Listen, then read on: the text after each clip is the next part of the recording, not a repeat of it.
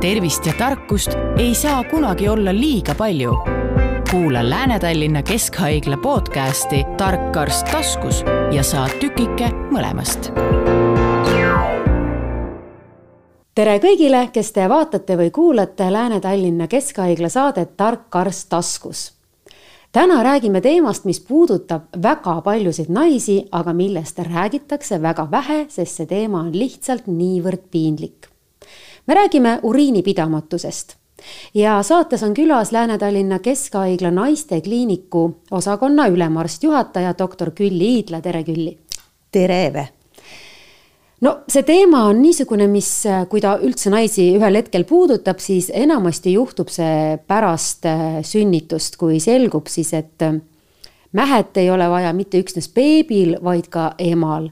et kui suur protsent tihti naisi see sünnituse järgselt puudutab, et nii, nüüd ongi käes see uriinipidamatus? see on tõsi, et sünnitusjärgselt võib sellist asja esineda, ka raseduse ajal võib sellist asja esineda. ja öeldakse, et isegi kuni kolmkümmend protsenti raseduse ajal võib esineda uriinipidamatust ja umbes kolmekümnel viiel protsendil on vähemalt mingi periood, kus on selline, kuidas ma nüüd ütlen, mitte päris tavapärane äh, olemine ja, ja võib esineda uriinileket. ja pean veel seda ütlema, et äh, iga järgmise sünnitusega võib see asi hullemaks minna mm. -hmm.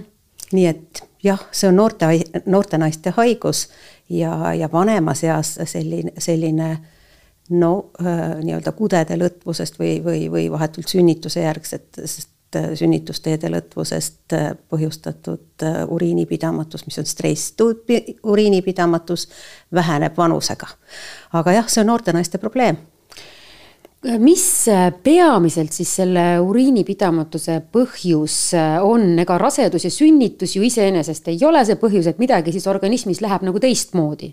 no eks ikka sünnitus on Aha. põhjus küll, et Äh, selline stresstüüpi äh, uriinipidamatus või inkontinents, nagu me ütleme, tekib siis, kui on ikkagi mingisugune lihaste lõtvus või kerge trauma ja, ja.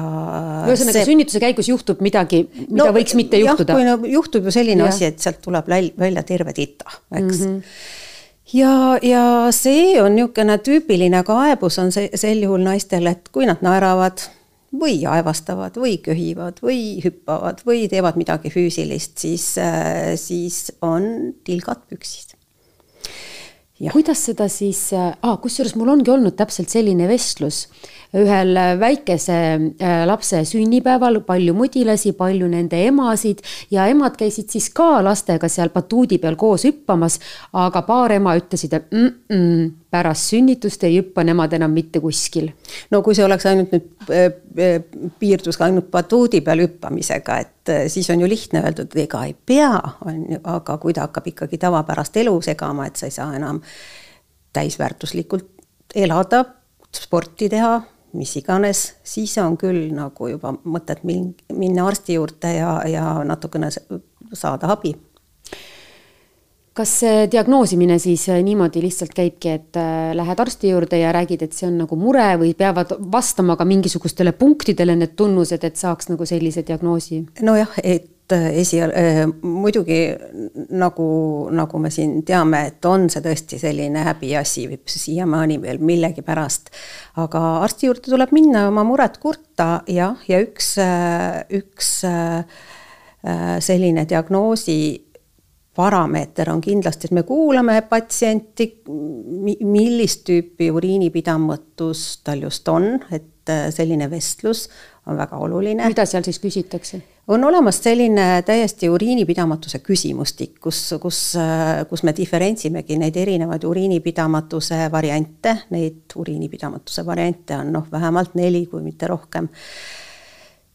ja seal on üsna tüüpilised kaebused ja, ja nagu meil juttu oli, see, kui me nüüd räägime vahetult sünnitusjärgsest perioodist, siis kipub olema see stresstüüpi uriinipidamatus ja seal mis see üsna... tähendab, et stresstüüpi, kas siis, kui on stress või see tähendab organismi ei, no, see on, mõttes midagi? see on nüüd mingisugune selline jah, ega tegelikult pandud. ongi natukene kummaline see nimetus, aga, aga äh, ta on siis äh, stresstüüp tüüpi ehk siis pingutusinkontinents, no nii on ta rahvusvaheliselt meil kirjas. mis seal tekib, tekib selline asi, et noh, nagu aevastades ja köhides ja, ja hüpates on, et tekib selline järsk kõhu siserõhu tõus ja kui sul on vaagnapõhjalihased lõdvad või, või kusepõhja sfinkterlihas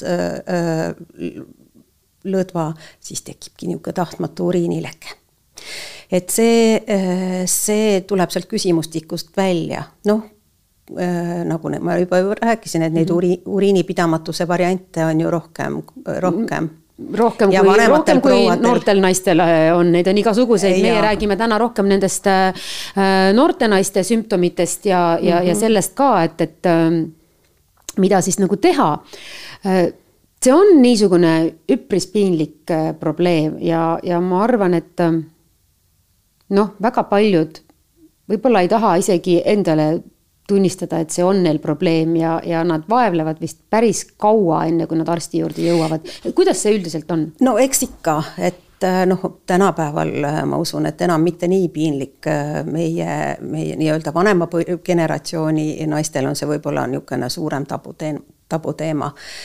aga jah, et liiga kaua ollakse teinekord kodus, et õige jutt, et endalegi ei juleta, juleta tunnistada seda, rääkimata siis arsti juurde minekust mm. -hmm. no, no mismoodi meie... naised siis tulevad? no günekoloogi juures ju ikka käiakse, eks ole, et noh, vähe sellest, et günekoloogi juures ka perearstile võiks ju oma muret kurta, aga no kui me räägime nüüd konkreetselt sünnitusjärgsest perioodist, siis jah, et tullakse ju kas ämmaemanda või sünni- või, või arsti juurde kontrolli ja kui selline asi on ikkagi püsinud nüüd sünnitusjärgselt äh, rohkem kui kaks kuud näiteks või siis, siis kindlasti tuleb seda rääkida, et see ei ole päris okei okay.. aga kas võib juhtuda nii ka, et äh, kohe pärast sünnitust ei olegi midagi, aga see probleem tuleb mõni aeg hiljem üldsegi välja? jah, võib, niisuguse hiilivat laadi võib olla ja aga, aga noh et millal arsti juurde minna. no esimese, kui sa korra köhid või on tõesti tugev köhahoog või, või ongi, et lähed korraks, hüppad batuudi peal ja see ongi lühiajaline ühe kord, üks kord näiteks. no ja siis ei pea kuhugile tormama hirmsasti mm, -hmm. aga kui see on nagu püsivat laadi ja ei näita tendentsi nii-öelda ise üle minna, siis on aeg arsti juurde minna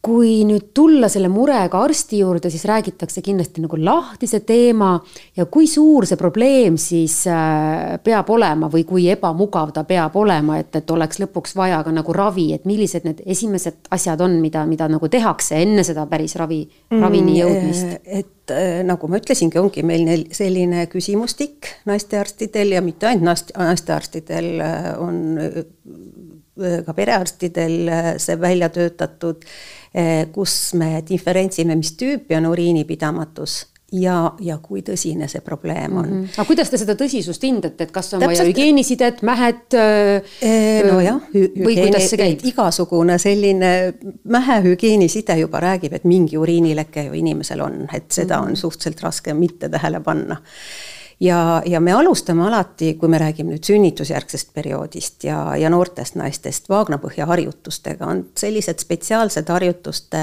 äh, programmid. Nendega vist on naised päris hästi juba kursis. on, on, aga, aga ega seal on ka omad nipid selle, selles mõttes, et äh, tasub ikkagi äh, tulla spetsialisti juurde, meil on väga tublid füsioterapeudid, kes äh, selliste vaagnapõhja harjutustega vähemalt esimesed nipid õpetavad selgeks, et saavad naised kodus edasi jätkata. kuidas sellise spetsialisti juurde jõutakse, kas kõigepealt näiteks ütleme, tuleb naine Lääne-Tallinna Keskhaiglasse, tuleb äh, günekoloogi vastuvõtule ja siis gümnakoloog kuulab mure ära ja kui see on nagu seda tüüpi mure, siis ta suunab edasi või?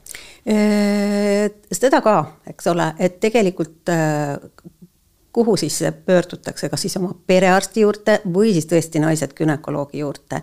et günekoloogilist läbivaatust on uriinipidamatusega tegelikult vaja, sest noh, öeldakse, et umbes nelikümmend protsenti äh, võib olla ka mingisuguse vaagnapõhja elundite allavaega seotud, et sellepärast günekoloogiline läbivaatus naistel on ikka väga oluline.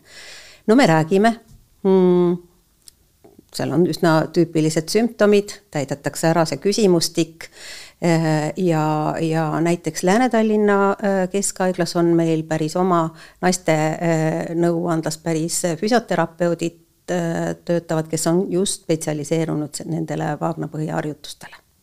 siis me suuname ta füsioterapeudi juurde kas need on ähm, sarnased harjutused, mida naised teevad äh, muidu ka pärast sünnitust, et näiteks äh, seks oleks sama hea kui enne? Jah, natukene ikka on, eks ole, et see on kõik üks Vaagna põhi, et, et nii ühe, ühel kui teisel puhul tuleb kasuks. aga no probleem, kui me peame seda aga nendest nüüd... tavalistest harjutustest ei pruugi piisata, et kui on selline uriinipidamatuse probleem, siis tasub ikkagi spetsiaalsed harjutused. jaa, seal on omad nipid teinekord mm, -hmm. et ei ole mõtet näiteks kõhulihaste harjutusi teha, et see võib asja hullemaks teha või selline asi nagu body pump, eks mm, -hmm. kus, kus on raskustega selline surve äh, äh, vaagna põhjale, võib-olla ei ole kohe mõistlik teha.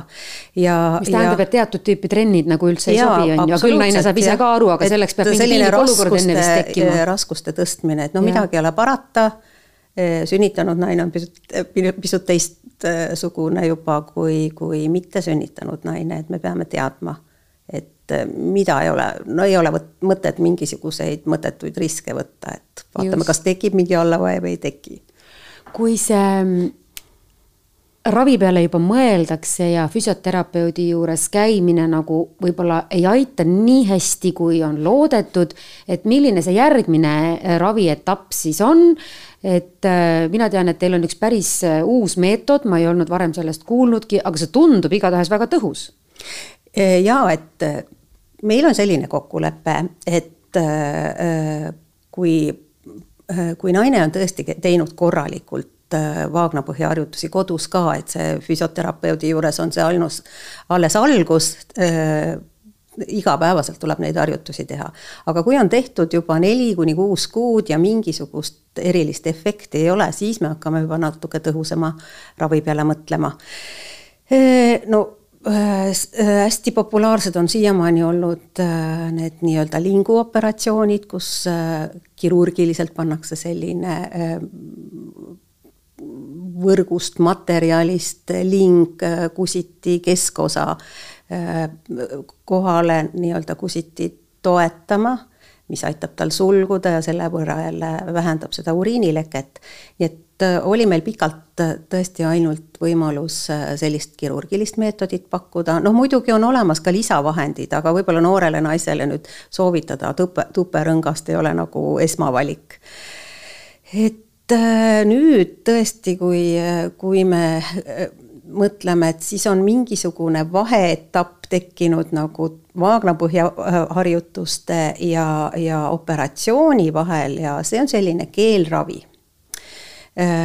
ehk siis kusiti limaskeste alla süstitakse sellist täitekeeli Sellist... naised tänapäeval täitesüstidega juba harjunud, ma arvan, nad üldse ei imesta. palju, palju ju ei erinegi, eks ole, noh, koostis on vähekene teine ja, ja seal on vaja ühte äh, skoopi, ureetroskoopi, mille kontrolli all siis suure suurendusega see, äh, see tehakse. et süstitakse, see, selle ravimi nimi või, või ütleme, selle süsteemi nimi on äh, pulkamid. Eestis ta on olemas eelmisest aastast täitsa uus asi siis?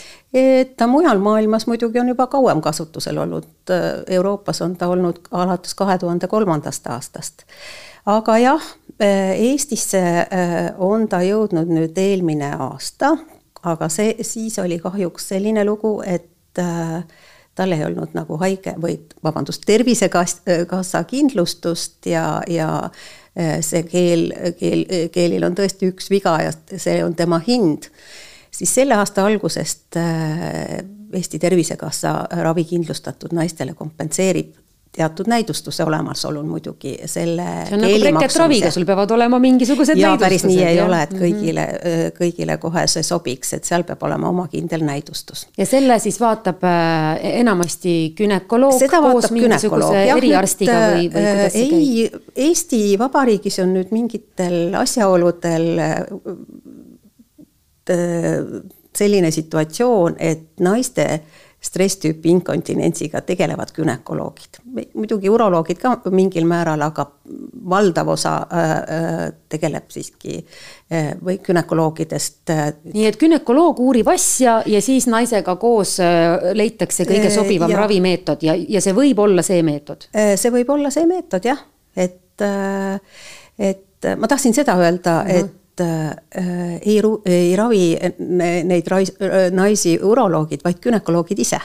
teevad neid, nii neid operatsioone kui ka seda nii-öelda pulgamiidravi mm. -hmm. nii et äh, täite, täitesüstid siis jõuavad nüüd igale poole? no jah, kui seda kaua küll. seda mujal maailmas on juba tehtud, kui no,, kui levinud see tegelikult on? tegelikult üsna levinud ja, ja aastast kaks tuhat kolm on ta nüüd Euroopas registreeritud ja, ja kahekümnendast aastast, kui ma nüüd ei eksi, USA öö, toidu- ja ravimiametis. Eestisse ta jah, on kunagi jõudnud ka varem aga siis oli selline probleem, et see keel kippus nagu suhteliselt kiiresti ära imenduma ja siis tekkis nagu selline ummiktee, et ta ei leidnud nagu väga laiapinnalist äh, kasutamist ja, ja vajus nii-öelda unustuse hõlma, siis nii-öelda taastulemine on eelmisest aastast. mismoodi see ravi siis välja näeb? Äh, selle keeli nimi on polüakrüülhüdrogeel, ta on villitud sellistesse äh, süstlatesse, kaks milliliitrit kasutatakse muidugi nõuab see ikkagi eriväljaõpet, et, et tuleb ta süstida nagu õige koha peale, tekit-, tavalise nelja, tavaliselt nelja kohta tekitatakse sellised keelipadjakesed, mis ahendavad siis selle kusiti valendikku ja sellega takistavad uriinileket. no see on nüüd laias laastus selline lühikokkuvõte. ja, ja selles mõttes on ta tore asi, et Äh, tal ei ole selliseid äh, tõsiseid tüsistusi, võib-olla ainult äh, noh, millal ta on keelatud, tema tegemine aktiivse põletiku foonil, et põletik tuleb korralikult ennem ära ravida, siis on ta lubatud. noh, võib, võib ja seda teostatakse päevakirurgias meil Eestis praegu, kas siis lokaal- või, või intravenoosses sellises lühiajalises anesteesias, et päris ilma, ilma süstimine on ikka päris valus oot-oot-oot, aga see anesteesiaga on nii, et kuhu see anesteesia siis tehakse, selles mõttes, et see ei ole nii, nii karm nagu seljasüstiga? ei, see päris seljasüsti nüüd ei nõua, et asi ei ole seda väärt. me leppisime kokku siin kolleegidega, et me teeme kõigepealt nii kaua, kui me, siiski uus asi, eks ole, vajab natuke harjutamist intravenoosne narkoos, mida tähendab, tähendab seda, et tehakse veenisüst ja pannakse eh, näo peale selline hapnikumask, et see on lühiajaline, tegelikult ega see protse-, protseduur ju. on ka lühiajaline jah? jaa, ta on kuskil kümme ja viisteist minutit ja, ja on lubatud või juba korüfeed teevad seda lokaalanesteesias, kasutatakse selliseid lokaalanesteetikumi, mis siis süstitakse vahetult enne protseduuri siis ümber ureetra mm. -hmm. aga see süst on valus või?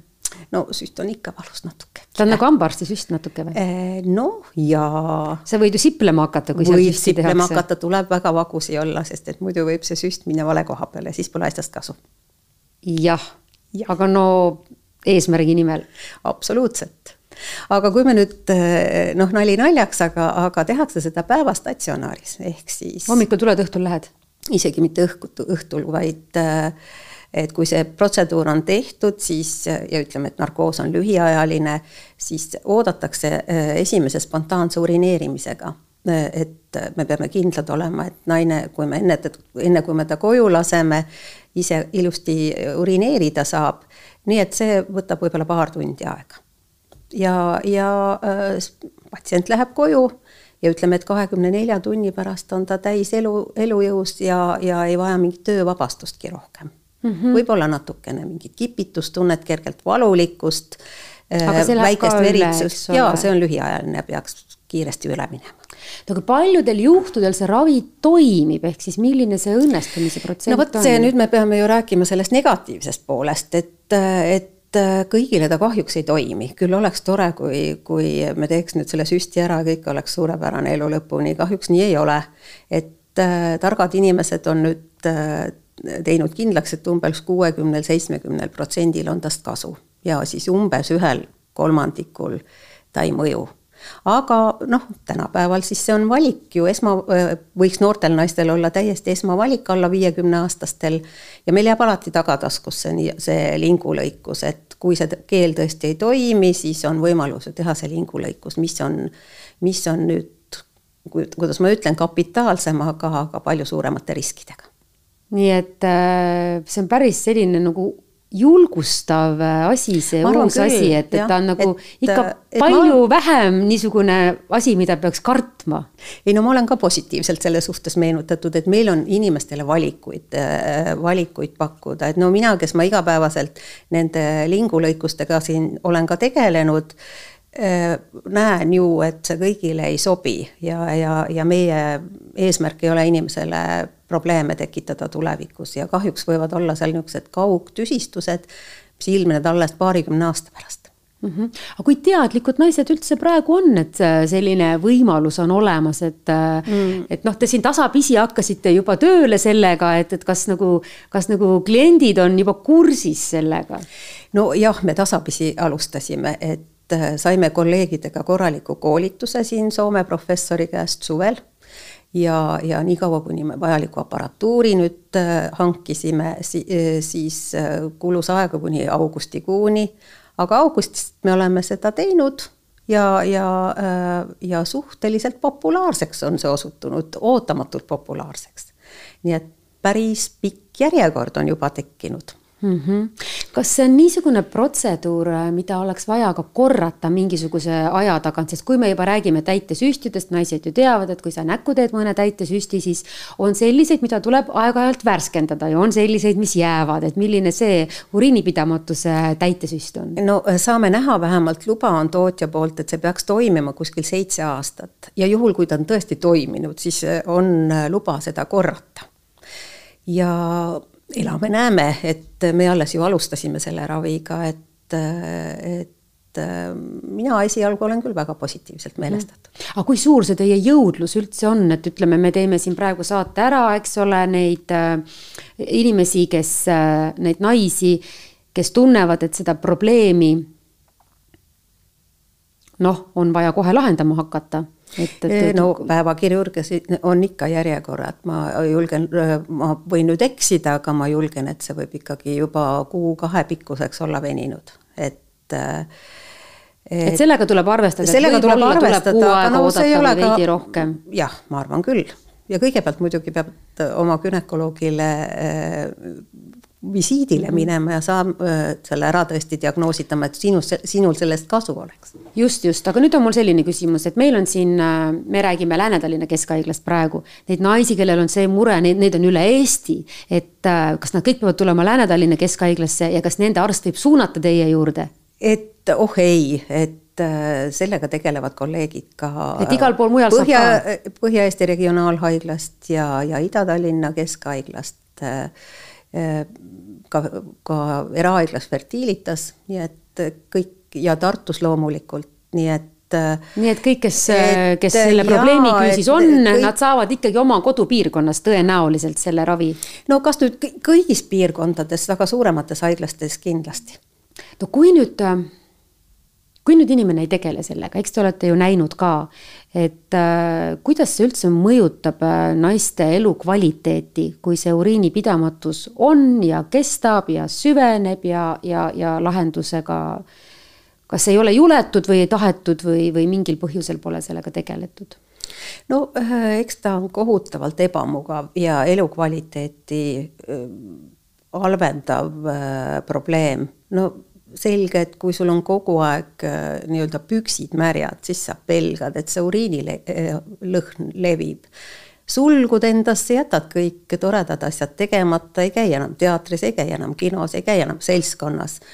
Ehm, et selline elu äh, WC-st WC-ni äh, ei, ei, ei ole kuigi kutsuv, nii et pigem niisugust psühholoogilist laadi ja no loomulikult ei saa me üle ega ümber ka, et, et Äh, sellised naised on aldimad kuseteede infektsioonide tekkeks, hügieeniprobleemid loomulikult ja, ja, ja noh, siin ilmselt sa ei saa äh, minna reisile, sa ei saa minna meeldivat spordialaga harrastama. et äh, jah, psühholoogilised probleemid kindlasti tekivad mm. -hmm. no kui meil on kindlasti nüüd selliseid kuulajaid ka kellel see probleem on vist niisugune veel pisikene või pole seda veel üldse, aga ta mõtleb, et äkki see mul kunagi tekib ja ma ei taha, et see mul tekib, et kas saab üldse kuidagi seda ennetada ka? ei, kõigile meile kuluvad ära Vaagna põhiharjutused, eriti kui me juba sünnitanud olema, eks ole, et, et nali naljaks, aga seda võiks igapäevaselt harrastada, no vähemalt vahel, kui meelde tuleb, võiks, võiks sellega tegeleda no kuna köhides eh, on ju see kõhu siserõhu tõus ja, ja uriinilekke nagu põhiline kaebus, mis algul tekib, siis ei tasuks näiteks suitsetada.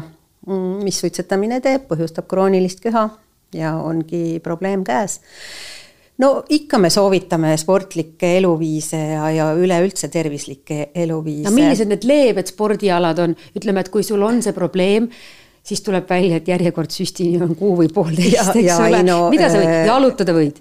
et ei no nüüd küll äh, nii ka päris pole, et nüüd hakkas kiire, et nüüd ja, on süst jee, aga, aga äh, et ma arvan, et need probleemid on inimesel ju kauem kestnud joogatrennid, kõik, mis, kõik, mis vaagnavöödet tugevdavad, ei maksa teha näiteks, gümnakoloogid väga ei armasta bodypump'i ehk siis nagu niisugune raskustega kükitamine ja üldse jõutrenn. et kahjuks Jumal on meil loonud vähekene ütleme, et me oleme kõige paremini õnnestunud, et me sünnitame, kõnni, meil vaagen on lai, me kõnnime püsti ja see kõik ja meil ja iga päev mõjutab meid gravitatsioon, nii et et äh, see soodustab selliste probleemide teket. aga igas ujumine, kepikõnd, joogatrennid, valikuid on palju mm. -hmm. Mm -hmm. ma usun, et te olete ise päris, äh, päris äh, elevil selle uue, uue meetodi suhtes, et äh, no, see, see kõlab küll midagi sellist, et mis oleks võinud juba ammu olla. jah, see oleks võinud juba ammu olla, et me kolleegidega tegelesime sellega, et see nii-öelda leiduks maaletooja juba enne Covidit, aga nagu, nagu me nägime, et kogu maailm seiskus ja ja, ja jõudis ta alles eelmine aasta siis Eestisse no ma arvan, et ei ole, ei maksa idealiseerida, aga, aga see on üks valikuvõimalust nais-, valikuvõimalustest naistele ja, ja ilmselt ongi populaarne, sest see operatsioon U on ikkagi õudne ja hea meelega keegi ju sinna operatsioonilauale ei tiku Mm -hmm. naise elus on veel üks etapp, mil organism päris palju muutub, et äh, see on äh, menopausi periood, et kas siis võib ka sellisest ravist äh, kasu olla? Noh, räägime, mis seal menopausis meid üldse ohustab. et äh, ma arvan, et naised on kuulnud, on selline uriinipidamatuse vorm nagu üliaktiivne põis ehk siis tung, inkontinents. Äh, selle tekkepõhjused on hoopis milleski muus et ta võib olla seotud see ja mida, mis see. mis see üldse tähendab? see tähendab seda, et on pidev niisugune piinav pissihäda tunne ja kogu aeg vajadus urineerida, vot nemad on need, kes kiikavad kogu aeg WC järele, et huvitav, huvitav, kus, kus see lähim WC asub. aga kas see tähendab seda, et kogu aeg on pissihäda, et kas on lihtsalt niisugune tunne, et on kogu aeg pissihäda või on päriselt ka kogu aeg pissihäda? no see tunne ja, ja noh, seda on raske eristada, kas on päriselt pissihäda. no proovida, eks ole. okei okay,, et seal, see on umbes selline, et sul on kogu aeg pissihäda ja sa käid ja selline pisikene sirts tuleb mööda ka, eks ole. aga see on kohutavalt piinav asi. no millega see seotud on, ta on tihtipeale seotud mingi neuroloogiliste haigustega, aga mitte ainult et on selline põielihase üle äh, ärritus. aga mis mõttes neuroloogiliste haigustega no, et kes nüüd peaks kõrvakikki äh, ajama no,? kui, kui me nüüd räägime sellest, kuidas üldse toimub urineerimine, siis see on niisugune peenneuroloogiline nüanssidega äh, funktsioon. ja, ja tihtipeale tekib siis, kui on mingi närvihaigus, näiteks Parkinsoni tõbi või äh,, või skleroosis multiplex või insuldijärgselt näiteks, et põieregulatsioon saab häiritud äh,. see on üks põhjust, muidugi suhkruhaigus võib asja soo-, soo-, soodustada ja, ja muidugi menopaus ise, et äh, mis juhtub menopausi ajal äh, tekib selline kudede atroofia, et, et tekivad sellised ebameeldivad äh, tundmused tupes ja, ja kuna, kuna limaskest on õhuke ja hästi tundlik, samasugused muutused võivad olla ka põies Mm -hmm. ja noh, siin on palju selliseid variante, aga siin, et nüüd ravi on hoopis sootuks midagi muud. see on selline probleem, kuhu so sobib nagu nii-öelda tablettravi, medikamentoosne ravi, mis võtab seda põiärritust maha. ja muidugi menopausiga seoses ka äh, hormoonasendusravi, östrogeeni tase organismis on äh, madal peale menopausi äh, ja see on üks põhjus, miks, miks koed muutuvad selliseks atroofiliseks, hästi õhukeseks, tundlikuks. Äh, siin on omal kohal äh, hormoonasendusravi, kus, kus, kui inimesel ei ole just äh, väga kindlaid vastunäidustust. naised millegipärast õudselt pelgavad seda ka asjata, sellepärast et, et selle, seal on suur kasu sees et kui meie poole pöördub üks menopausis naisterahvas, kellel on probleemid urineerimisega, siis üks esmavalikuid on, me kirjutame talle lokaalselt, mis tähendab lokaalne, panna, panna, pannaksegi siis tuppe, kas siis on sellised kuulikesed või kreem või keel või, või tupetabletid ja neid tavaliselt tarvitatakse paar korda nädalas ravi on elukestev, sest natuke naiivne on ju loota, et kuskilt östrogeen nüüd saabub uuesti ja kõik saab korda. et noh, me peame sellele patsiendile selle hästi palju rääkima ja selgitama, et siin on palju rohkem kasu kui, kui negatiivseid sümptom- või noh, pigem niisuguseid negatiivseid äh,. negatiivne on see, et see peab sul meeles olema? ei, mitte selles mõttes, aga pelgalt, peljatakse ju vähki ja mida iganes kõike, et, et et äh, asjata, et sellest saab palju, on muidugi täiesti konkreetsed vastunäidustused, seda arstid teavad ja sel juhul me mõtleme midagi muud huvitavat välja, aga kui ei ole, siis on see esmavalik. no kui teadlikud need menopausieas naised üldse on sellest, et nende probleemile tegelikult on ju mitmeid erinevaid äh, lahendusvõimalusi olemas. Eh, kahjuks äh, liiga vähe on neid, kes äh, tulevad meile seda probleemi arvavad, et see on ealine iseärasus ja, ja nii peabki olema ja. vaata passi ja seal on diagnoos, et asjata, et see on kindlasti asi, kus saab abi ja nagu ma ütlesin, üks asi on see lokaalne hormoon äh, asendusravi äh,, on spetsiaalsed ravimid, mida suu kaudu võetakse, mis seda põiärritust siis pärsivad nii et tegelikult on hea teada, et mitte ainult äh, sünnitusjärgse uriinipidamatuse korral, vaid ka menopausieas naiste uriinipidamatuse korral on tegelikult ravivõimalusi mitmeid erinevaid ja need veel ka toimivad. just toimivad. ma pean ütlema ka, et äh, on sellised sega, segatüüpi, et tihtipeale esineb nii üht kui ühe, ühe uriinipidamatuse sümptome kui ka teise. et äh, neid on isegi kolmkümmend protsenti kõigist uriinipidamatustest, sealt saab asja kombineerida, kas siis selle keelraviga, millest meil eespool juttu oli, või ka lingulõikusega, pluss veel see medikamentoosne ravi, nii et tõesti ravi, äh, ravimeetodeid on mitmeid. Suur tänu teile, äh, doktor Külli Iidla, Lääne-Tallinna Keskhaigla naistekliiniku günekoloogia osakonna ülemarst juhataja. just. Selline pikk ametinimetus. Ja.. Jah, ja aitäh, hea vaataja-kuulaja, et äh, meiega olid selle aja ja ennast äh, uriinipidamatuse probleemiga kurssi viisid ning kui sul endal on nüüd lahendus käepärast olemas, siis jaga seda infot ka enda sõbrannadele, neile, kellel võib-olla probleem on, aga infot selle lahendamise kohta veel mitte. aitäh ja kohtume taas peagi. tervist ja tarkust ei saa kunagi olla liiga palju. Kuula Lääne-Tallinna Keskhaigla podcasti Tark arst taskus ja saad tükike mõlemast